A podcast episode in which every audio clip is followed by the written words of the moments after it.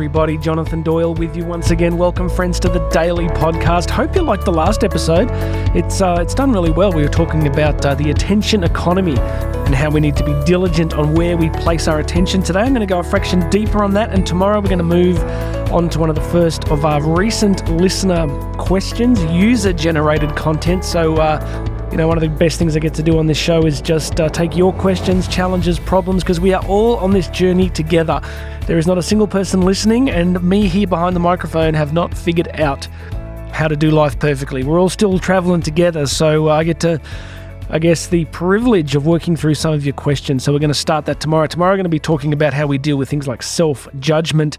Today, I just want to take you a fraction deeper on um, this attention economy idea. I think it's really important that we be across this concept and its implications for our life. Would you please make sure you've subscribed? Hit that subscribe button.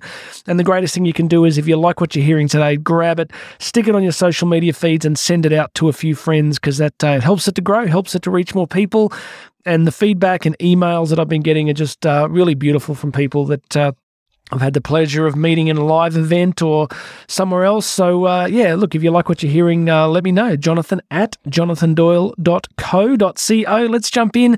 Today is the second part of the quote that I was sharing the other day, and it's going deeper on this idea of attention economy. So let me share it with you, and then let's unpack a little bit and see how it could be relevant for your life. Here's the quote The perpetual negative focus on problems and maladies and outrages prevents the emergence of positive plans and projects. One more time. The perpetual negative focus on problems and maladies and outrages prevents the emergence of positive plans and projects.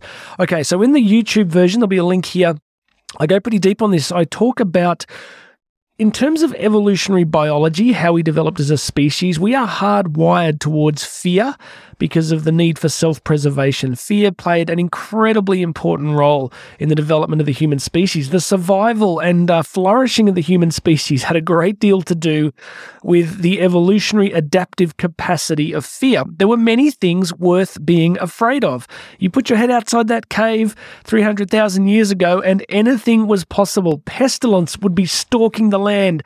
Saber toothed tigers, well, not really because they were gone before then, but, you know, some sort of nasty thing would be there to eat you. And if it wasn't that, it was going to be, you know, neighboring tribes that decided that uh, your hunting grounds were better. So they were going to basically start a tribal conflict. So there was a real evolutionary benefit to fear. Of course, you fast forward to today, and I've said this many times. The fears that inhabit our world are very different. Um, they're very abstract. You know, in terms of if you if you could choose a time to be born in human history, this is pretty much it. You know, many of you have heard me talk about the, the flushing toilet, you know, principle.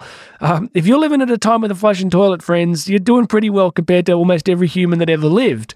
You know, and um, so the fears that we face are not immediate fears of death. We understand that there's wars and conflicts in different parts of the world, but the, the fears that we face are abstract. Can I pay my bills? Will my kids be okay? Will I find someone uh, who'll love me forever? All these abstract kind of fears. And what I want to talk about today is just to help you continually understand the role of legacy and mainstream media and the kind of interpenetration of how we are governed with media and large corporations because they're all kind of singing off the same song sheet, if you will. And one of the things that they use is fear. Government uses fear because the, the more fear that government can inject into the system, the more the great mass of people will need to believe that we must be protected from X fear, fill in the blank, whatever the fear happens to be economic, uh, medical, you know, uh, military, whatever it is, fill in the blank. I do not discount that there are genuine things going on in the world, but I would like you to hopefully agree with me that the preponderance of fear probably doesn't match up to the lived ex- uh, experience of most of us. So, what mainstream media understands, of course, is that fear sells. Fear gains our attention because of that evolutionary biological basis. We are, if something is presented to us in a fearful sense that something could happen to us, then we're more likely to pay attention. The longer we pay attention, the more we are a set of eyeballs into which advertising can be sold. So, you can see this kind of confluence of factors that increase the level of fear in our culture.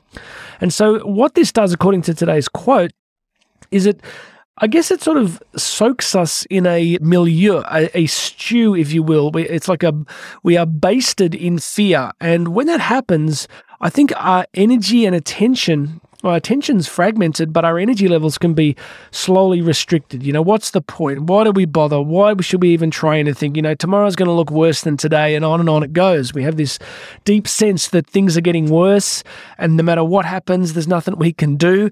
And then it restricts that optimism that leads to kind of growth and flourishing in our private lives, but also in our culture in general.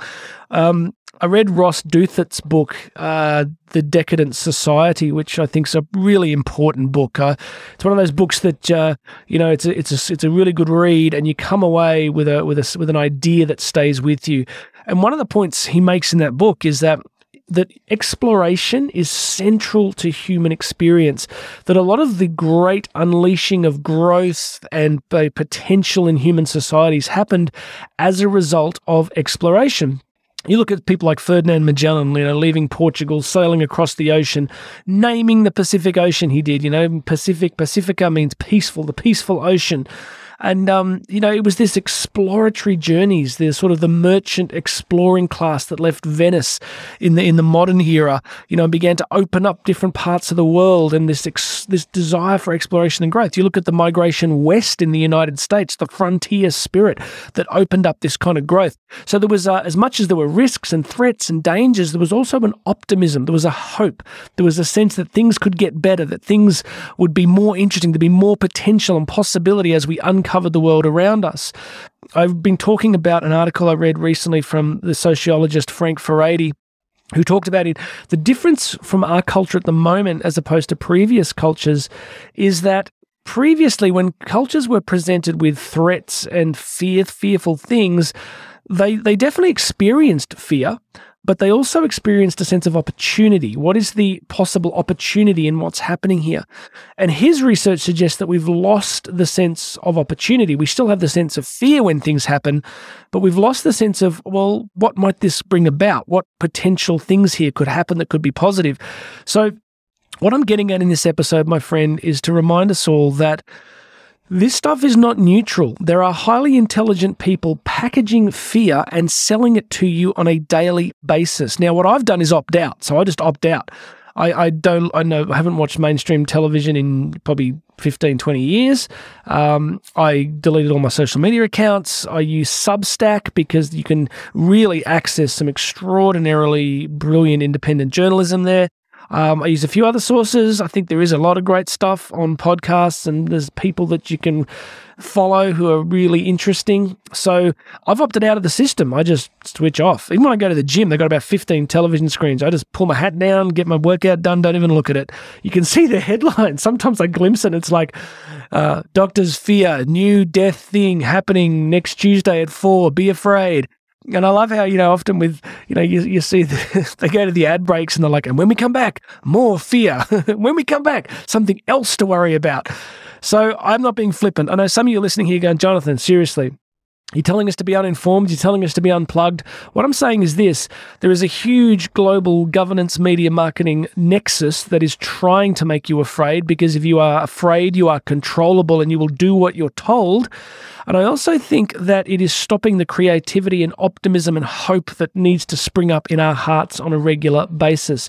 I know the other critique some of you will have was, Jonathan, you need to be informed. Yeah, I kind of get that. I agree with that to a point. But I actually think we all need to go and reread Stephen Covey's Circle of Influence and Circle of Interest and Circle of Control, right?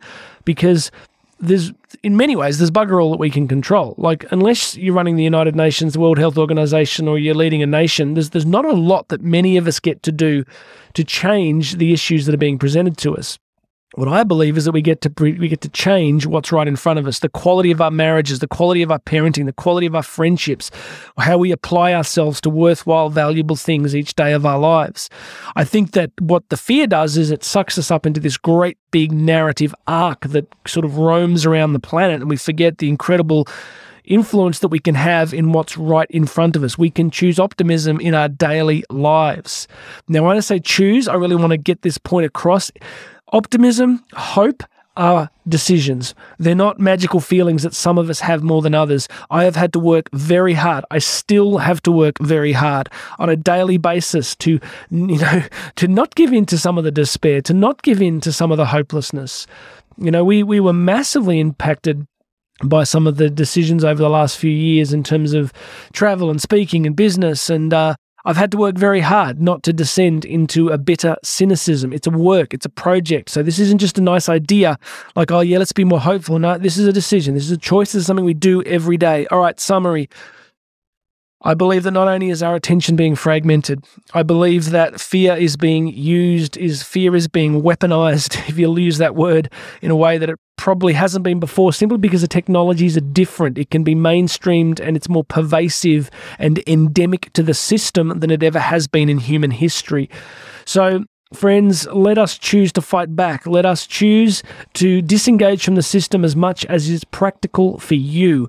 What can you say no to? What can you watch less of? What can you listen to less? You know, how can you become more astute? How can you choose more hope and optimism on a daily basis? Okay? So just do the audit. That's what I say in so many episodes. Do the audit as you go through today. Look around. What are you listening to? What are you? I mean, you're here, right? You're listening to this. This is hopefully an opti- optim, uh, uh, optimistic message today. I want you to be encouraged. I want you to be encouraged. I want you to believe that you are not a victim. I want you to believe that you can find the goodness in life. I want to believe that you can improve your circumstance and the circumstance of the people that you love. So press on, my friends. Press on. Disconnect get more mindful about what the inputs are, and choose to be a light in wherever you are today in your marriage, in your parenting, in your workplace, in your school. Go there today and just do the best you can to bring light and optimism and joy and hope into that space. All right, God bless you. Go and check out the YouTube version. Links are here. Would you please subscribe? Um, check out the links. You can book me to speak, conferences, events, staff training, all that sort of stuff. So go check it out. God bless you guys. Love you heaps. I'm praying for you all. I hope that we uh, we can all make the most of this moment in history. My name's Jonathan Doyle. This has been the Daily Podcast, and you and I are going to talk again tomorrow.